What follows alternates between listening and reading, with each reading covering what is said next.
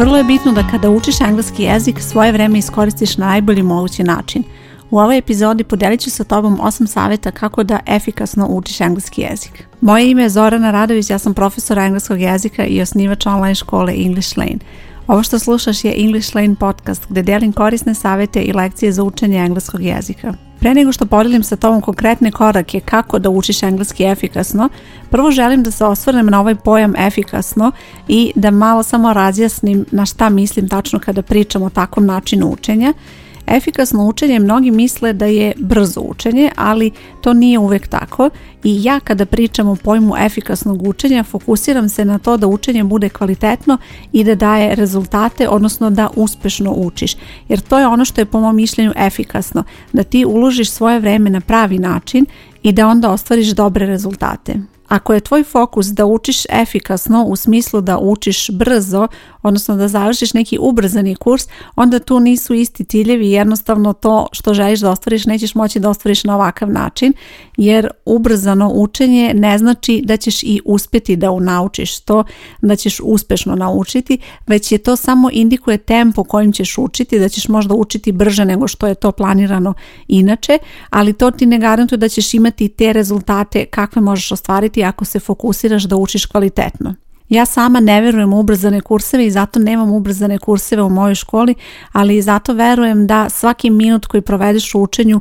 može biti kvalitetno proveden i može da te dovede do dobrih rezultata i omogući ti baš to da učiš efikasno. Prvi korak koji je bitno da ispratiš kada želiš da učiš efikasno je da savladaš prepreke u učenju engleskog.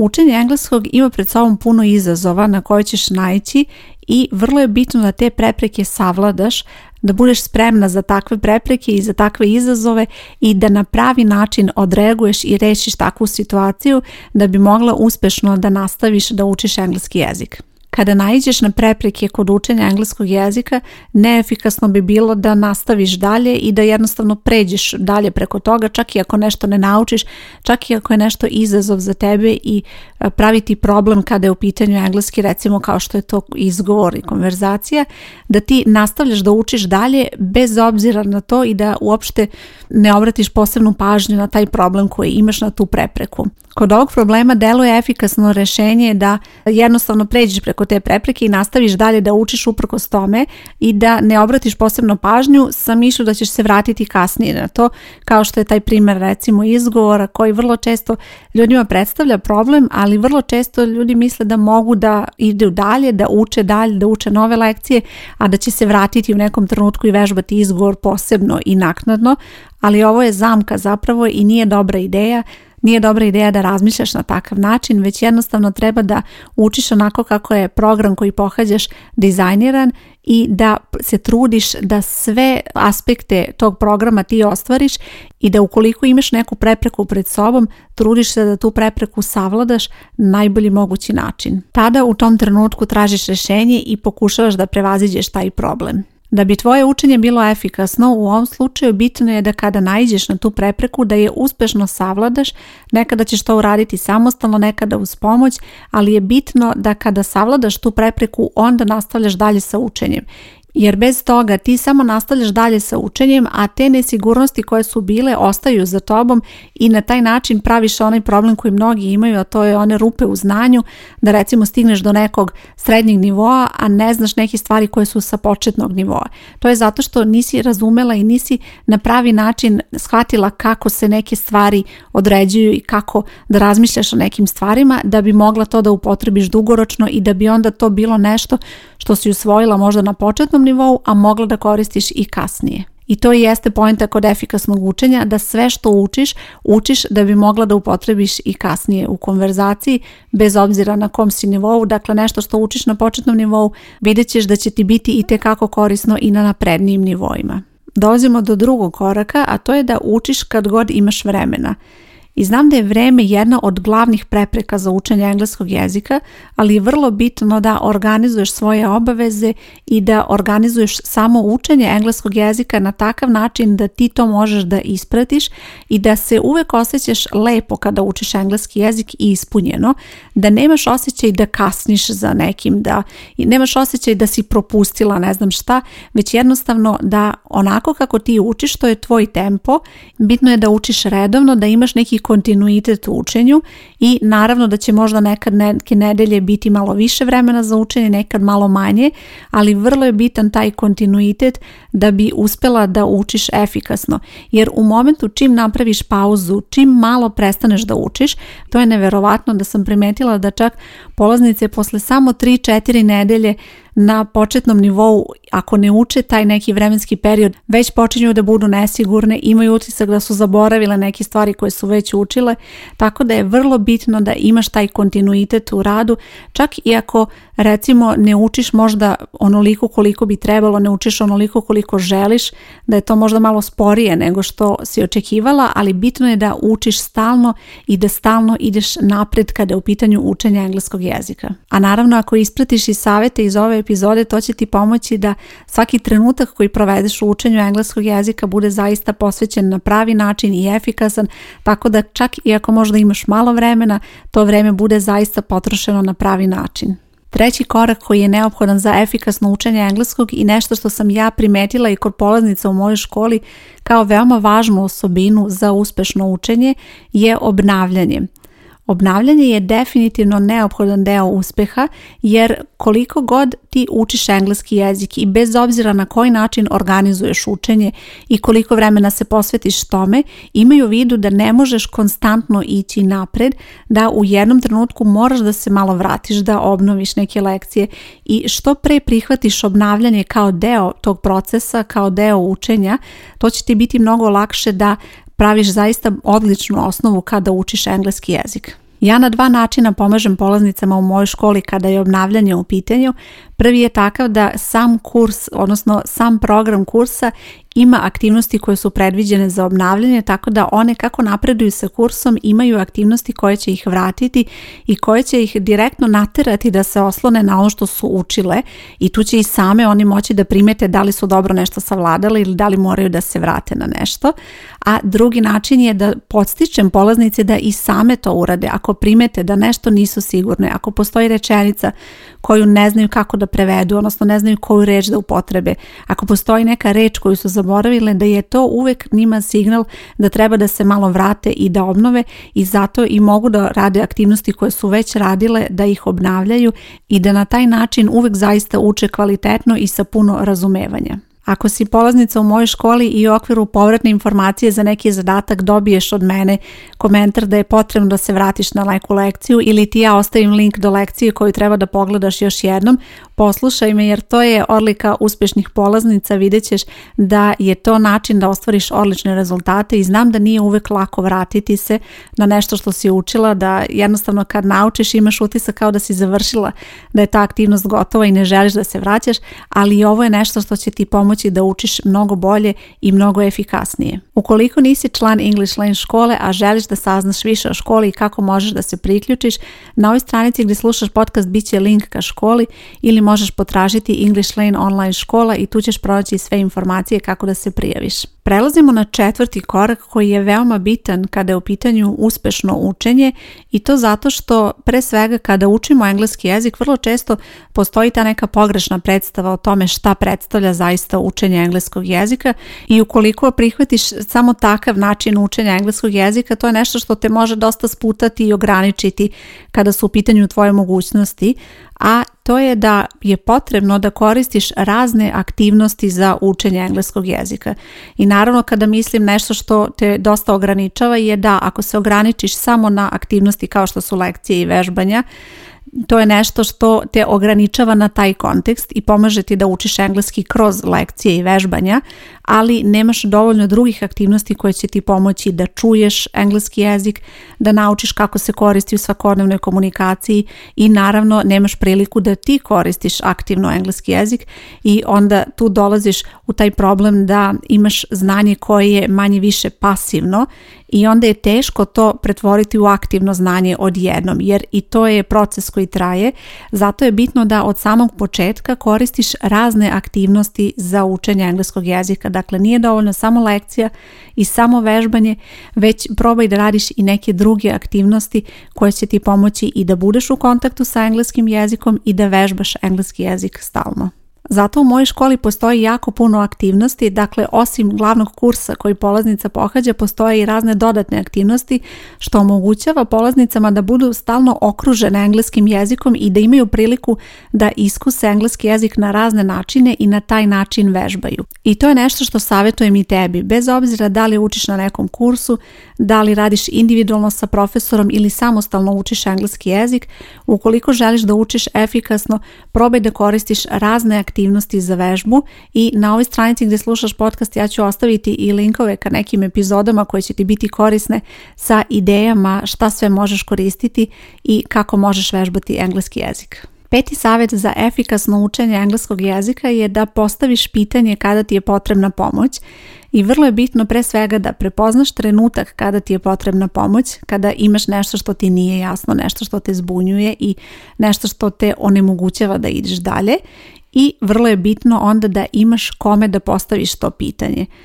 Treba ti tačan odgovor, treba ti sigurna informacija da li je nešto tačno, da li nije, da li može ovako da se kaže, da li ne može, jer ovo je vrsta podrške koja će ti biti pre svega neophodna kada učiš engleski jezik, dakle bez obzira na koji način učiš imaćeš ovakvih pitanja i vrlo je bitno da imaš proverene informacije i da možeš da dobiješ tu povratnu informaciju u takvoj situaciji. Ako si polaznica moje škole, kao što znaš, uvijek imaš mogućnost da mi postaviš pitanje na vrlo jednostavan način, da mi pošalješ poruku i tu nema nekih pitanja koja su očigledna, koja su možda laka ili nisu. Svako pitanje koje ti imaš je tebi važno i važno je meni da ja odgovorim na to pitanje. Bez obzira što sam ja možda čula to pitanje već do sada e, dosta puta, vrlo je bitno da ti razumeš ono što tebe koči kada učiš engleski jezik i da onda ti možeš sa razumevanjem da ideš dalje i da učiš sa mnogo više sigurnosti. Tako da kad god imaš neku dilemu možeš se ulogovati na platformu i poslati mi poruku sa pitanjem. Sada dolazimo do jednog koraka, odnosno izazova, a to je način na koji ćeš se suočiti sa neuspehom. Imaju u vidu da mnogi, a možda i ti, imaju za sebe neki pokušaj učenja engleskog jezika. I to je sasvim normalno, jednostavno dešava se da kreneš da učiš engleski jezik i da možda u nekom trenutku ili se neke okolnosti ispreče ili izgubiš motivaciju za učenje engleskog jezika ili jednostavno prošlo je toliko vremena od te pauze da imaš utisak kao da si sve zaboravila i kao da ništa nisi učila do tada i u tim situacijama imaš utisak kao da imaš taj neuspeh iza sebe i to je nešto što te može kočiti kada je u pitanju učenja engleskog jezika sada. Jer ako ti razmišljaš konstantno o tom neuspjehu i o tome da je to neuspjeh, to onda jednostavno nešto što će tebi sprečiti da kasnije taj strah od neuspeha će te možda sprečiti da i sada pokušaš tako. Umjesto što razmišljaš da je to neuspeh, razmišljaj o tome da je to bio pokušaj. To je bio pokušaj učenja engleskog jezika i bez obzira kako je završeno, ako ti sada želiš da učiš engleski jezik i ako se fokusiraš na to da je engleski važan i bitan tebi sada u ovom trenutku, Probaj da i ovaj pokušaj gledaš na takav način bez razmišljanja o tim neuspesima i nečemu što je bilo ranije, već se fokusiraj da sada daš sve od sebe i da učiš efikasno, da učiš kvalitetno i eventualno da ako primetiš da nešto što je bilo ranije, a nije valjalo, da sada to imaš priliku da ispraviš. Recimo, ako ranije kada si učila engleski jezik, učila si samo lekcije, nisi recimo vežbala izgovor dovoljno, onda ti je to znak da sada kada budeš učila engleski jezik, tvoj fokus treba da bude i izgovor. Dakle, nećeš praviti sada tu grešku koju si napravila ranije. Po meni svaki taj nazovi neuspeh je u stvari pokušaj da naučiš engleski jezik i iz svakog tog pokušaja verujem da si puno toga naučila, čak i ako možda nisi završila kurs i ako nisi možda ostvarila neki cilj koji si zacrtala sebi, verujem da si jako puno toga naučila i to je nešto što će ti zapravo i pomoći sada u nastavku da kada ponovo želiš da učiš engleski jezik da sada imaš ipak neku sigurnost, znaš bar nešto, znaš šta te očekuje i možeš na to bolje da se pripremi. Približamo Približavamo se kraju i ostalo još samo dva koraka koje je potrebno da napraviš da bi učenje bilo efikasno. Sedmi korak je jasno postavljanje ciljeva i to je vrlo bitno za učenje engleskog jezika da tačno znaš zašto učiš pre svega engleski jezik, koji su tvoji motivi za učenje, a zatim i šta učiš u okviru samog kursa, šta je tvoj cilj te lekcije, dakle da razumeš ono šta učiš i da onda to možeš i da ostvariš. Imaju vidu da ćeš nekada biti u situaciji da pročitaš ili da pogledaš recimo ako je video lekcija u pitanju i što zbog same sadržine lekcije, što zbog možda trenutka kada si ti malo više umorna, malo manje sposobna da se skoncentrišeš na ono što slušaš ili čitaš, imaćeš utisak da si pročitala nešto i da nisi sasvim sigurna ni šta si pročitala i zato je vrlo bitno da se osvrneš uvek na te ciljeve, šta je tvoj zadatak u toj lekciji, vrlo često ćeš u okviru lekcije imati već zacrtane ciljeve ili ćeš imati recimo naslov lekcije kao nešto što može da ti pomogne recimo ako je lekcija šta su frazalni glagoli, očigledno u toj lekciji treba da naučiš šta su frazalni glagoli i ako ti pogledaš ili pročitaš lekciju a nisi naučila šta su frazalni glagoli onda nisi ostvarila taj cilj. Dakle, to je nešto što je bitno da obratiš pažnju jer ovo ti pomaže da zaista učiš efikasno jednostavno trenuci kada ti gledaš u lekciju i čitaš je ili slušaš, a ne možeš da se skoncentrišeš, to nije efikasan način da provedeš svoje vreme i neće ti ostvariti dobre rezultate i zato je bitno da i vreme koje provedeš u učenju bude zaista kvalitetno organizovano i najbolji način da to ostvariš je da isplaniraš učenje i da posebno obratiš pažnju da učiš sa ovako jasnim i definisanim ciljevima. Kada učiš lekciju nije dovoljno samo da pročitaš i razumeš tu definiciju ili neki pojam koji si pročitala, već je vrlo bitno da razumeš i zašto učiš nešto što učiš i kako ćeš sve to da upotrebiš u okviru onoga što već znaš. Jer svaka nova lekcija mora da prati taj program kursa i da ti omogućava da se ti na engleskom izražavaš sve bolje i da što više stičeš tu sigurnost i ako se pojavi lekcija koja je odjednom tebi nejasna i ne znaš šta ćeš sa njom, kako da je uklopiš, probaj da razmisliš pre svega o tome kako da iskoristiš sve to, kako da povežeš sa onim što već znaš, jer ćeš na taj način mnogo bolje i efikasnije učiti. Nijedna lekcija ne postoji sama za sebe, već svaka lekcija ima taj cilj da se uklopi u program i da ti pomogne da napreduješ kada je u pitanju učenja engleskog jezika. I dolazimo do posljednjeg koraka kada je u pitanju efikasno učenje engleskog jezika i ovo je možda i nešto najvažnije što treba da uradiš ako želiš da učiš engleski efikasno.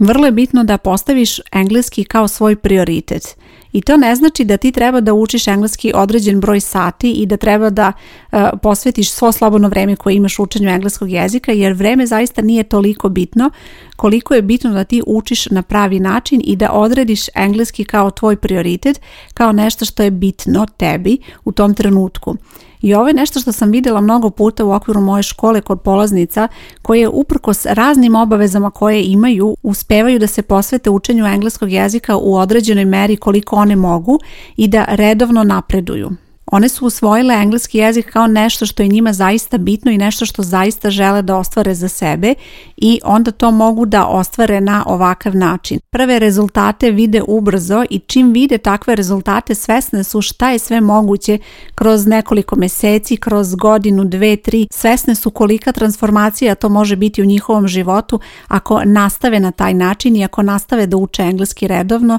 i da i dalje engleski bude prioritet njima. Ukoliko je tebi potrebno da odrediš da li je engleski prioritet u tvom životu sada u ovom trenutku, ostavit ću na ovoj strani gdje slušaš podcast i link ka jednoj posebnoj epizodi koja će ti u tome pomoći i vodit će te korak po korak da odrediš koliko je tebi engleski važan i ovo je nešto što sam sigurna da će te motivisati da ukoliko odrediš da je engleski tebi važan, da ti ovo dodatno pomogne da istraješ u situacijama kada i jednostavno nije lako izvesti i organizovati učenje, ali da ipak istraješ u tome. I još jednom ću ponoviti da je vrlo bitno to redovno učenje, vrlo je bitno da ne praviš pauze kada učiš engleski jezik jer ovo je nešto što negativno utiče na proces učenja i nešto što će te definitivno usporiti i na taj način ćeš učiti manje efikasno. Zato je bitno da učiš redovno onako kako ti možeš u skladu sa svojim obavezama i vidjet ćeš kako ćeš vremenom ostvarivati sve bolje i bolje rezultate. I sada kada smo prošli kroz sve ove korake,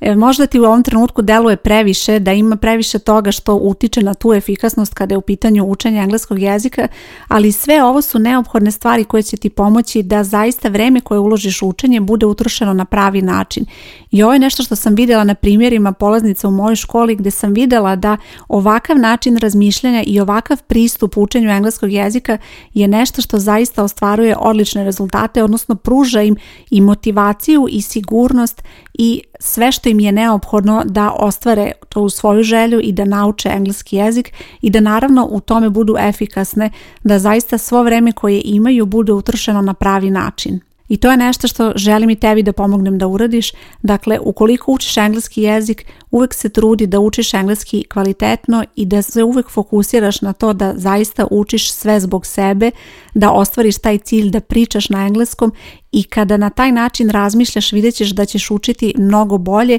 mnogo sigurnije i mnogo efikasnije naravno. Ukoliko ti je potrebna pomoć kada je u pitanju učenja engleskog jezika, pozivam te da slušaš podcast koji redovno objavljujem gdje možeš pronaći puno korisnih savjeta i lekcija za učenje engleskog jezika, a ukoliko ti je potrebno nešto više, ukoliko želiš da učiš u mojoj školi, na ovoj stranici gdje slušaš podcast bit će i link ka školi. Škola se zove English Lane, uči se preko interneta i možeš na ovoj stranici proći sve informacije i detalje o školi. Hvala ti što slušaš podcast, moje ime je Zorana Radović i čujemo se uskoro. Ćao!